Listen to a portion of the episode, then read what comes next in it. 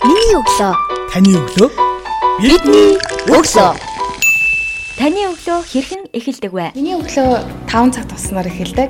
Өглөө босоод би ерөөсөө нэг 10 минут гимнастик хийдэг. бид нэр 6 цагаас клубтаа уулзаад ингээд эхэлдэг байлаа.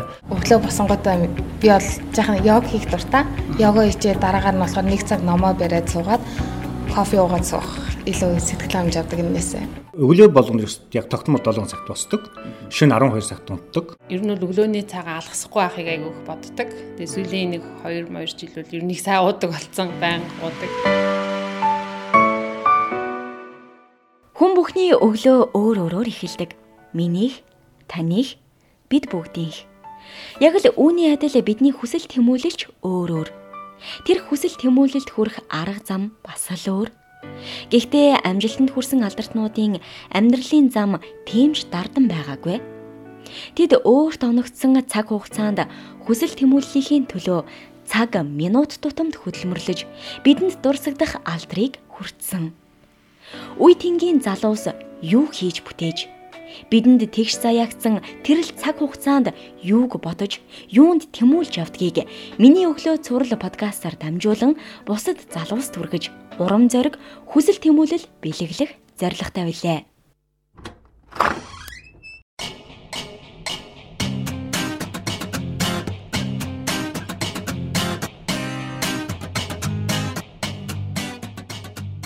Сонсогч танд шинэ 7 хоногийн шинэ өглөөний мэндийг хүргэе. Миний өглөө сурал подкастын 26 дахь удаагийн дугаарын зочноор Avinex Partners хуулийн фирмыг үүсгэн байгуулагч хуульч Солонгоо оролцож байна. Танд бас өглөөний мэнд хүргэе. За сонсогчтой өглөөний мэнд хүргэе. Тантай анх танилцсан түүхгүй бол Зориг сангийн байгаль орчны манлал хөтөлбөрийн хүрээнд 2016 онд хилцээр хийх урлаг гэсэн таны хичээл сууж агаад тэгээ энэ хүнээс яриа авч залуучуудаа хүргэндээ гэсэн бодолтын усаар нэг мэдсэн 4 жил болцсон байна. За баярлалаа. Тэгээд нэвтрүүлэгт нь оролцож байгаадаа баяртай. Урьсанд баярлалаа. Сонсогчдоос болоод оролцогчдоос асуудаг боломжтой асуултаар эхэлдэг. Энэ бол таны өглөө хэрхэн яаж эхэлдэг вэ гэдэг асуултаар. Тэгэхээр таны хувьд өглөө хэрхэн яаж эхэлдэг вэ? Тэгээ миний өглөө яхаа өглөө босоод өглөөний цайгаа уудаг. Тэгээ өглөөний цайгаа ол заавал ууж гэрээсээ гардаг. Тэгэл ажил дээр ирэл ажлынхаа хийх ёстой зүйлсээ чагсааж бичээл тэгэл ажиллаа эхэлдэг те. Өглөө болгонд дадал зуршил болоод хийдэг үйлдэл байгаа юу? Аа яг хийдэг үйлдэл юм бол одоо өглөө болгоны заавал хийдэг юм яг би нэг им уудгийн өглөө болгоё нэг уудаг имтэй тэгээ тэр имээ бол заавал уудаг. Тэгээ имээ уусныхаа дараа л өглөөний цагаа заавал уудаг. Тэгээ ер нь кофенд агуу дуртай өглөө кофе ууж нэлээд сэргийдэг. Ажлын төлөлтөө хэрхэн яаж гаргадаг вэ? Ажлын төлөвлөлт бол илүү бичгээр гаргадаг. Тэгээ ерөнхийдөө яг тухайн өдрөө хийх ёстой юмнуудаа жагсааж бичээд тэгээ хийсэн ажлуудаа дараал явдаг та. Та яг одоо ямар ажил дээр төвлөрч ажиллаж байгаа вэ? Одоо яг миний өдөр тутам хийдэг ажил бол би хууль зүйн зөвлөх үйлчлэгээ үзүүлдэг. Тэгээд яг үйлчлүүлэгчтэй хийж байгаа хэлцэл дээр нь зөвлөгөө үзүүлдэг. Тэгээд яг одоогийн байдлаар хийж байгаа ажил бол Америкийн нэг томоохон хөрөнгө оруулалтын сан Монголд хөрөнгө оруулалт хийж байгаа. Монголын томоохон компани хувьцааг хөдөлж авч байгаа хэлцэл байгаа. Тэр хэлцлийг ерөнхийдөө яг гэрээнд нь гарын үсэг зурх шатанда орж байгаа. Тэн дээр яг Монголын хууль талаас зөвлөгөө үзүүлж байгаа. Яг одоо хийж байгаа ажил бол тэр байна. Бид нар асуултандаа бас давхар хөв хүнд байх хэрэгтэй хамгийн чухал гурван чадвар гэж асуудаг. Гэхдээ бүр наривчлаад яг биднэрт нөө хилцээр хийх урлаг гэдэг хичээл орж исэн учраас хилцээр хийх чадвар гэдэг хичээл орж исэн учраас хүм бүхний одоо байхсаа чадрууд донд харилцааны хилцээр хийх гэдэг дур чадрууд орж ин. Тэгэхээр хилцээр хийхэд хамгийн чухал гурван одоо юу гэдэг тухайн одоо аль аль талуудын зүгээс байх хэвээр ур чадвар гэдэг юм уу техник тактик гэдэг юм уу тэр тэрүүгээр таас нэрлүүл илүү та нарийн хариултыг гаргаж өгөх гэж би бодож байна. Тэгээ ерөнхийдөө яг хилцээр хийнэ гэдэг маань бид нар өдөр тутам л одоо хин нэгэнтэй зөвшөлтсөл төрж идэг тодорхой асуудлыг шийдвэрлэж идэг. Тэгэхээр бас нөгөө хүнтэйгээ мэдээж харилцан ярилцж байгаа шийдвэрт төрж байгаа. Тэгэхээр бас мэдээж тэр шийдвэр гарч байгаа процесс маань бас чухал. Бид нар одоо хин нэгэнтэй ярилцаж одоо нэгэн тал хүнтэй л ярилцаж одоо шийдвэр гаргаж байгаа учраас нэгдүгээр бас тэр хүн аль алиндаа бас харилцан ашигтай шийдвэр гаргаж чадж гэнэ гэдэг асуудал чухал ах. А тэгээ нөгөө талаасаа бас амьдрал одоо урт шүү дээ. Тэгээд ерөнхийдөө яг эр хүний замын үзэн урт гэж хэлдэг. Тэгэхээр бас мэдээж өнөөдөр ингээд зөвшөлтөрчөлд хүрж байгаа хүнтэйгээ ирээдүйд бас уулзах магадлал өндөр байдаг учраас бас хүний итгэлийг алдахгүй байх их чухал юм шиг надад санагддаг. Тэгээ мэдээж бас аль алиндаа харилцан ашигтай шийдвэр гаргахын тулд бас ихтгэлцэл зайлшгүй чухал шаардлагатай. А тэгээ ер нь бол яг нэг талаасаа бас хилцээр хийхтэй холбогдуулаад бас ур чадрын хувьд бол яалтчгүй бусдад хамтарч ажил бусдыг сонсож сурах бол зайлшгүй шаардлагатай байна. Хилцээр ихэд аль аль талдаа ашигтай байх, ихтгэлтэй байх, тэгээ хамтран ажиллаж чаддаг байх Тий яг миний одоо яг өөрийн бас яг үдчихсэн хичээлүүдээс яг Харвардын хуулийн сургуульд үдчихсэн хичээлүүдээс надад хамгийн үр дүнтэй юм уу хэрэгтэй санагдсан хичээл бол яг тэр хилцээр ихтэй холбоотой хичээл байсан. Тэгээ тэр хилцээр ихтэй холбоотой хичээл дээр бол яг хилдэг одоо яг заадаг үндсэн одоо ер нь бол гурван асуудлыг сая дурдлаа л да. Тэр та яг юунаас урам зориг иш хүчийг авдаг вэ? Эмээ өвгөөс айгүй урам зориг авдаг. Би эмээ өвгөө ээжтэйгөө хамт өссөн, ээжтэйгээ хамт өссөн. Тэгээд манай эмээ өвөө их цоглог хөдөлмөрч хүмүүс байдаг, их сэргэлэн хүмүүс байдаг. Тэгээд яаж эмээ өвөө шиг ийм хөдөлмөрч болох вэ гэж боддог ус баг бах та. Тэгээ ер нь манай эмээ өвөө одоо манай эмээ тунгалаг гэд нэраа эмч их эмч байсан одоо тэтгэвртэй гарцсан. Манай өвөө яг үндэсний радиод маш олон жил ажилласан биш хөдөлмөрч хүн байгаа. Тэгээд тэтгэвртэй гарсныхаа дараа ч гэсэн бас багшилдаг байсан. Тэгээд бас тийм хөдөлмөрч сэргэлэн эмээ өвөө тэг болохоор тэгэл бас тэр хүмүүсийн бас энд яаж зэрэгцэж бас хөдөлмөр хөдөлмөрлөх вэ гэж боддгийг. Таны ажлын бусдаас ялгарх онцлог юу вэ? Яг би өдөр тутам яг хууль зүйн зөвлөх үйлчлэгээ үзүүлдэг хуульчийн одоо яг мэрэгчлээ. Тэгээд аюух сууж ажилдаг. Ерөнхийдөө яг би бол яг өдөр тутам хийдэг ажил маань бас яг өмгөөлөл гэдэг одоо шүүхтэр өмгөөл хийхээс илүү бичгээр аюух зөвлөгөө өгдөг. Тэгээ бичгээр зөвлөгөө өгнө гэдэг маань аюух компьютерээр харж суудаг. Тэгээ ер нь бол аюух олон цагаар суудаг ажил хийдэг гэх юм уу да.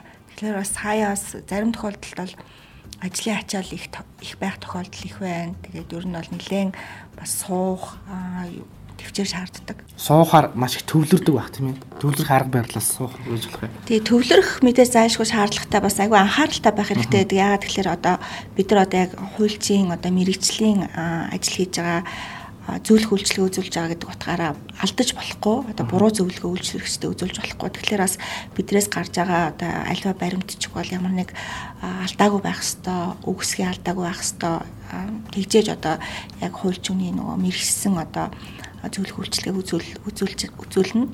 Тэгэхээр бол яг маш сайн анхаарч ажиллах хэрэгтэй байдаг. Тэгэхээр бас ер нь бол нэлээд сууж төвлөрчл ажилладаг да. Тэгэхээр та сая өвөө эмийнхээ талаар ярьлаа шүү дээ. Өвөө мэдэр өссөн хүмүүс үүдэх юм бол хамт олонний дундаарх яриасаг тийм ээ. Өөрөө бусдад илэрхийлэх чөлөөтэй нээлттэй байдлууд бол бий болж ирдэм болоо гэж арай хараад нэг хэрсүү гэдэг ухаантай э, манайхан бол ярьж хэлдэж шүү дээ. Тэгэхээр бас та радио сонсдог гэсэн баг да. Тий, би одоо өглөө төрийн доллар сэрдэг байсан. Яа тэгэхээр манай эмээ хоёроос дандаа радио сонсдог байсан. Тэгээд төрийн доллар сэрэл төрийн доллар унтдаг л байсан да. Багнасаа одоо бодох юм бол тэгээд дандаа радио манай дээр бол үндэсний радио бол явж идэг. Одоо ч гэсэн одоо би эмээгөө дээр очихоор бол тэгэл радиогоо сонсоод сууж идэг. Сэтгэлд хоногссон нэг нэвтрүүлэг байна уу таны хувьд ингээд баян сонсч ирсэн одоо хорд гэл мэдээлэлээ гэнлэг гэл хорд мэдээлэл ингээл 5 минутанд цаг тутамж явдаг мэдээлэл 30 минутанд явдаг мэдээлэл тэгэл өчийн үлгэрүүл 90 цаг гэл ингээл олон нэвтрүүлэг байдаг. Таны сэтгэл ханагшиж үлдсэн юу байдаг вэ? Тэг яг хаа тухайн үед би хүүхд тахта сонсож байхад намайг жоохон багт айгуу тийм асуудалтай байсан сэдв миний ойлгосноор малын хулгай байсан юм шиг байгаа. Тэг яг зундуунд орж байгаа нэг тийм хөтэлдэг нэвтрүүлэг тий мал хил хил гуравтайгаа байх тэгэл нэг тэгж хэлдэг тэр нэвтрүүлэг ерөөсө санаанаас гардгөө. Аа тэг мэдээж нөгөө төвчийн үлгэрээ сонсдог байсан. Тэгээ ер нь бол радиогийн нэвтрүүлэгдэг бол нэлээд сайн мэддэг байсан жоохон бахтаа.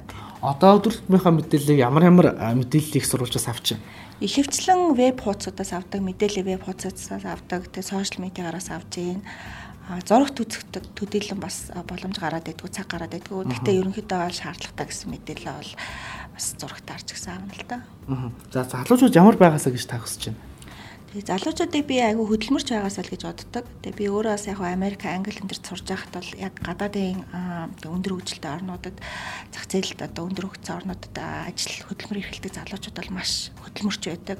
Яг хийн гэж бодсон ажлаа цаг тухайд нь хийдэг маш хариуцлагатай байдаг. Тэгээ би бас Монгол залуучуудыг ч гэсэн яг зорьсон зорилготой хүрхийн төлөө цуцлтгүй те тууштай хөдөлмөрлөөсөө зорилгоогоо төлөө явдаг байгаасаа л гэж бодсон. Та Унгарт, Англид, Америкт сурсан. Тэгээд энэ хугацаанд бол ингээл олон соёлнуудтай хамт энэ салбарт суралцааж явж байхдаа хөдөлмөр зан чанарыг нэгдүгээр харсан байна. Тэгээд мэдээж гадаад суралцж байгаа оюутан залуучууд бид нэр ингээл хараад гой гой одоо байшингуудын үн зургаад даруулаад амраат ч юм уу те улирлах амралтаар амраал явхад ингээд нэг тийм фэйсбүүкээс ч юм уу нийгмийн мэдээлэл хэрэгсэл сүлжээгээр харах их гоё яваад байгаа юм шиг. Тэгсэн мөртлөө цаана маш их одоо хөдөлмөрлөж зүтгэж нойр хоолоо хасаж хичээлээ бэлдэж за хажуугаар нь цагийн ажил хийх боломжтой бол хийж те ингэж нэг зорилгын төлөө ард нь гарахын төлөө маш хичээдэг баха. Та сэнийхс маш өөрөөр ажилласан хүн.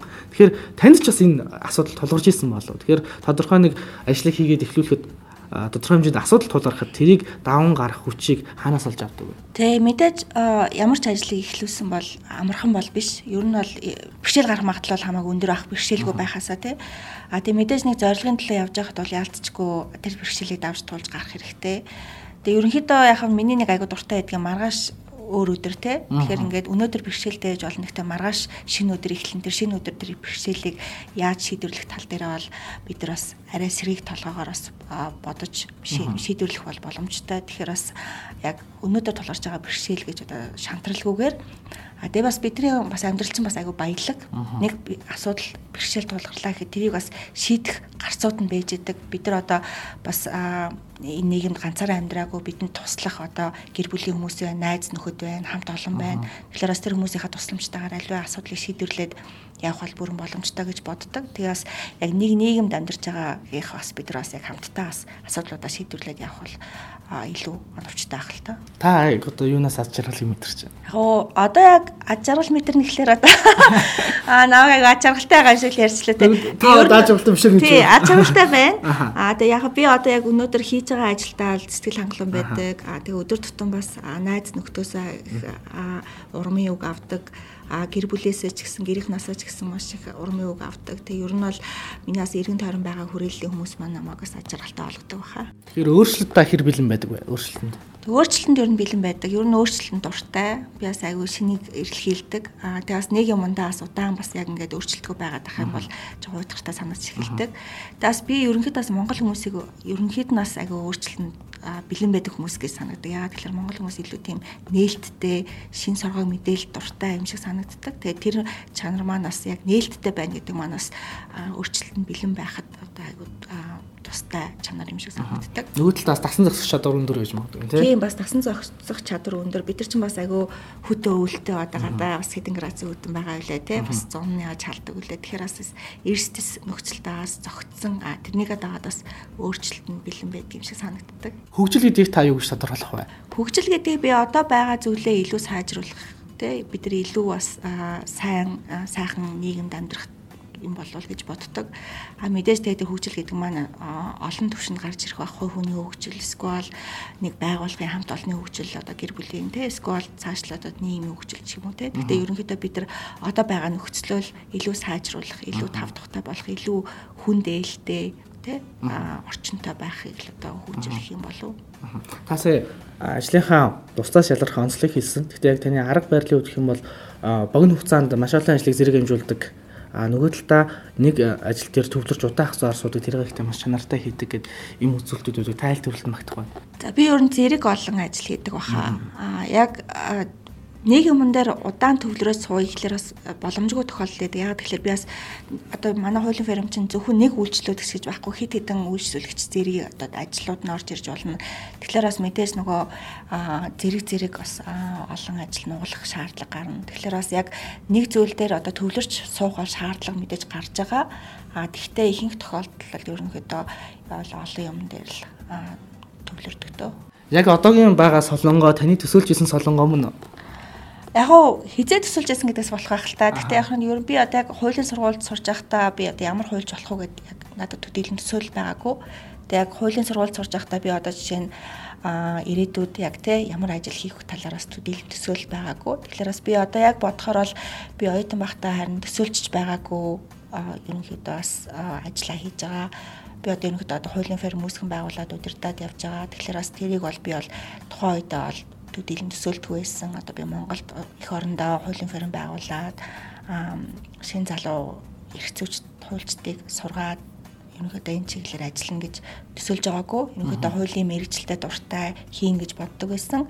А тэгвэл яг ямар байдлаар хийх үү гэдэг бол төдийлөн төсөөлөгдөж байгаагүй л те. Тэгэхээр бас би бол яг хуу дуртай ажиллаа хийгээ явхад сайн үр дүн гарах магадлал өндөр байдаг гэж боддог. Тэгэхээр бас залуучууд манаас өөрийнхөө хийх дуртай ажлаа олж хийвэл илүү бас тэ цаашдынх нь ажлын ажил мэрэгжилтэд амжилт гарах магадлал өндөр байх болов.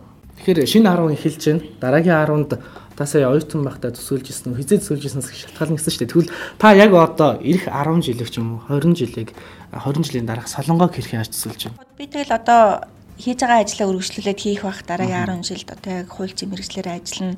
А тэгээ илүү ур чадвартай хуульч болсон байх тэгээ болох байх. Тэгээд бас илүү олон залуучуудад өөрийнхөө бас мэдлэг той туршлагыг хуваалцъя гэж бодож байгаа. Тэгэхээр бас яг өөрийнхөө сонирхсан сэдвэр бас яг судалгааны ажил эхлүүлээд тэр чиглэлээр Монголд бас яг одоогоор судлагдаагүй байгаа сэдвүүдээр бас шин төрлийн бас сонирхолтой салбар шинжлэх ухаануудыг оруулж ирмээр санагдаж байгаа. Тэгэхээр ерөнхийдөө яг тиймэрхүү зүйлүүдээр төвлөрч ажиллаад ер нь тийм л байх болоо да.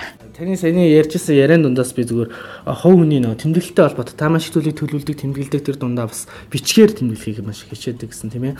Багада бид нар чинь дон сургуульд байхдаа ч юм уу ахлагынгийн ч юм уу сурагч болоод ирэхээр багш нар зохион бичлэгчүүлдэг том болоод ямар хүн болох вэ? Хуульч болон дуучин бол нэмч болно гэл янз янзаар төлөвлөдөн шүү дээ. Тэгэхэд та хуульч болно гэж хэлж байсан ба. Үгүй ээ. Би одоо хуульч мэрэгжил бол миний яг багын мөрөдлийн мэрэгжил байгаагүй. Би одоо айгүй санамсаргүй ч юм айгүй хинэггүй байдлаар сонгосон. А тэгтээ яг санамсаргүй сонгосон ч гэсэн сайн багш нарын ачаар, сайн сургуулийн ачаар би бас мэрэгчлээ айгуу дуртай болсон. Тэгээ ерөнхийдөө би яг яг 10 жилээ бодох юм бол физик математикийн гүнзгийрүүлсэн сургалтад 11 дэх сургуулийг төгссөн. Тэгээ 11 дэх сургуулийн онцлог бол айгуу математик суурьтай математикийн хичээл төлөхөө ордог.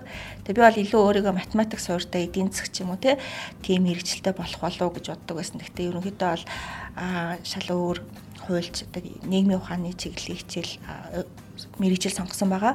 Тэгээ манай гэрийнхэн дотор ч гэсэн хуульч мэрэгжилтэй хүмүүс байдгүй. Манай гэрийнхэн одоо яг аав ээж манай хамаатны тий ах эгч нар бол илүү байгалийн шинжлэх ухаан чиглэлээр одоо мэрэгчлээ хүмүүс байдаг. Тэгээд бас зарим тохиолдолд манай гэрийнхэн бол намайг ойлгохгүй тохиолдол их байна л та. Одоо хуульч гээд юу ч хийгээд яваад идгээ олон цагаар суугаад идэг гэх мэтчлээ. Тийм. Гэхдээ яг би тэгж боддгийн хүн бас яг Монголд бас мэрэгчлээ сонгох ихлээр бас яг 10 жилээ төгсөж байгаа сурагчд маань бас төдийлөө ойлголтгүй байж болно.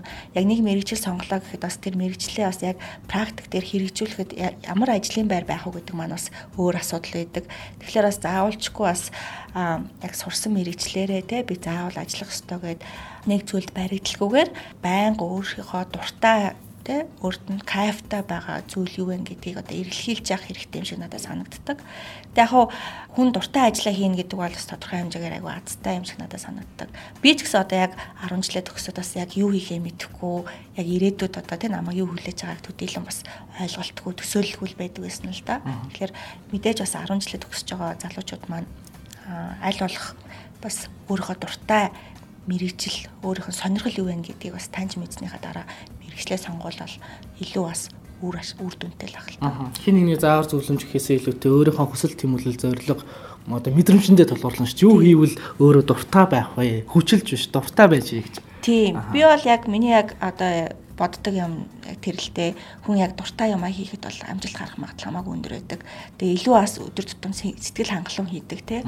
Одоо би одоо нэг ажлыг хийх ёстой, би цалин авах ёстой гэж хийхээсээ илүү би энэ ажлыг хийж байгаа зорилго маань юу илээ? Би эндээс ямар те сэтгэл хангалуун одоо таашаал авч гинэ гэдгээс айгу харгалзаж үзэх хэрэгтэй байх л та. Тэгжээс бас нөгөө нэг хөдөлмөрийн бүтээмж маань сайжрах байх. Хөдөлмөрийн бүтээмж сайжирна гэдэг маань мэдээж тэгэл амжилт гарах магадлал хамаагүй өндөр болох байх л та. Та хэрэг алддаг вэ? Алдсан штэ хүн лэмчин тэгэл бас эргэлзэх тохиолдол зөндөө байна. Бас гаргаж байгаа шийдрүүдтэй эргэлзэн алдаа бол тэгэл миний бодлоор хүн бид нар өөрсдийн хүн болгонд л байдаг л зүйл бах. А тэгтээ яхаа мэдээж гаргасан алдаагаа дахиж давтахгүй хичээдэг.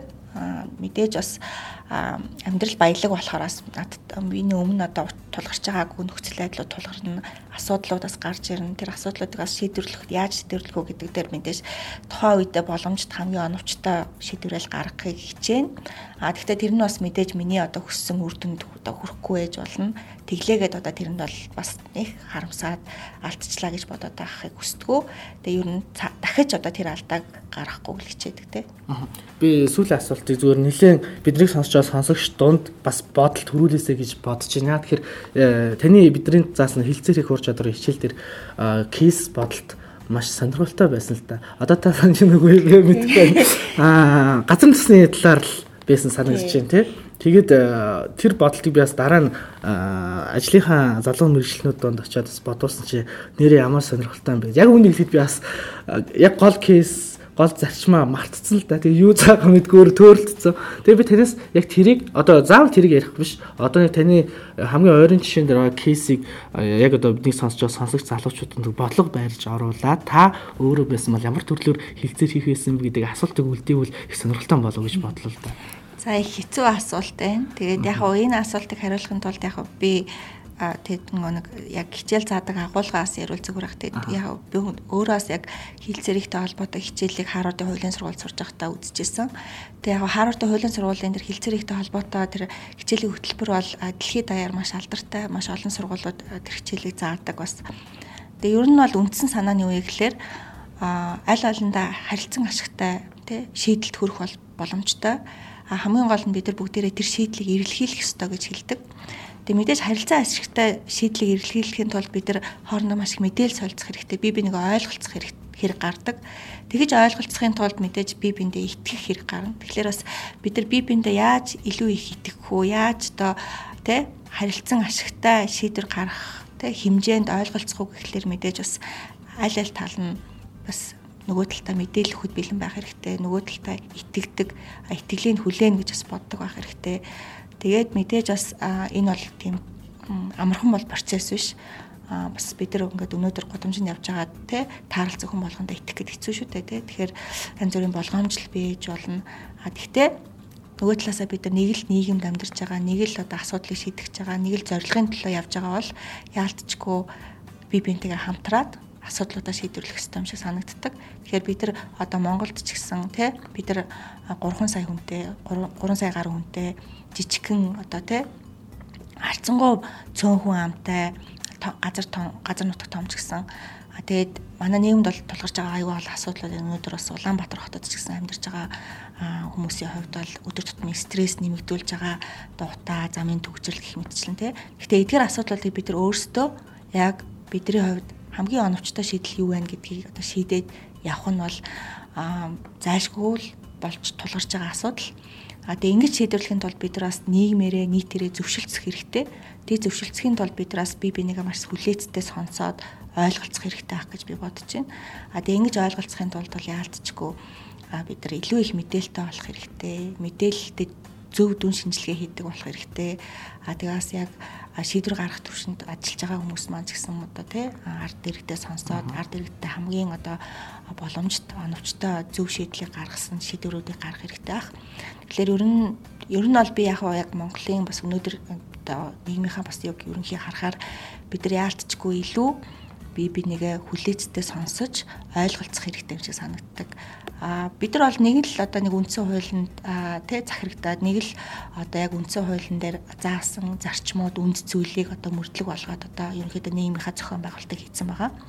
Тэгэхээр тэр нийгмийн зохион байгуулалт маань тий ахицтай байх уу, улам хөгжих үү, илүү сайжрах уу гэдэг дээр бол бид нар яг нэг иргэн болгон өөрсдөө хичээж хоорондоо ойлголцох хэрэгтэй юм шиг санагддаг. Ингээд тэрийг сонсон чинь буцаад л 4 жилийн өмнө таны хичээл эргээ суудсан юм шиг санагдчихлаа. Тэгээ миний тэр хичээлээс ойлгосон гол зүйл юм бол мэдээлэлээ аль болох бид нар нэгнийхээ нэгэндээ нэг одоо жишээ өнөөдөр нэг 5 гэж шилжингүүтээ маргааш нь 10 гэж хэлдэг ч юм уу тий мэдээж юм дээр хуурах ч гэдэм худлаа ч гэдэм энэ зүйлээс болж ямар том эрсдэл гарах вэ гэдгийг бол яг багаараа багийнхаа кейсэр чинь дээр бол мэдэрсэн. Тэгээд бидэнтэй хамтаас энэ подкастын жошноор оролцож ярилцлага өгсөнд маш их баярлалаа. Подкастаас гадна Монголын радиогоор их оронд байр залуучуудад хүрд юм аа. Тэгээ таны цаашдын ажилд нь амжилт хүсье. Маш олон амжилттай Монгол улстай хэрэгтэй хилцээрүүдийг ар араас амжилттай хийгэрэй гэж хүсье. А баярлалаа. Та бүхэндээс ажлын амжилт хүсье.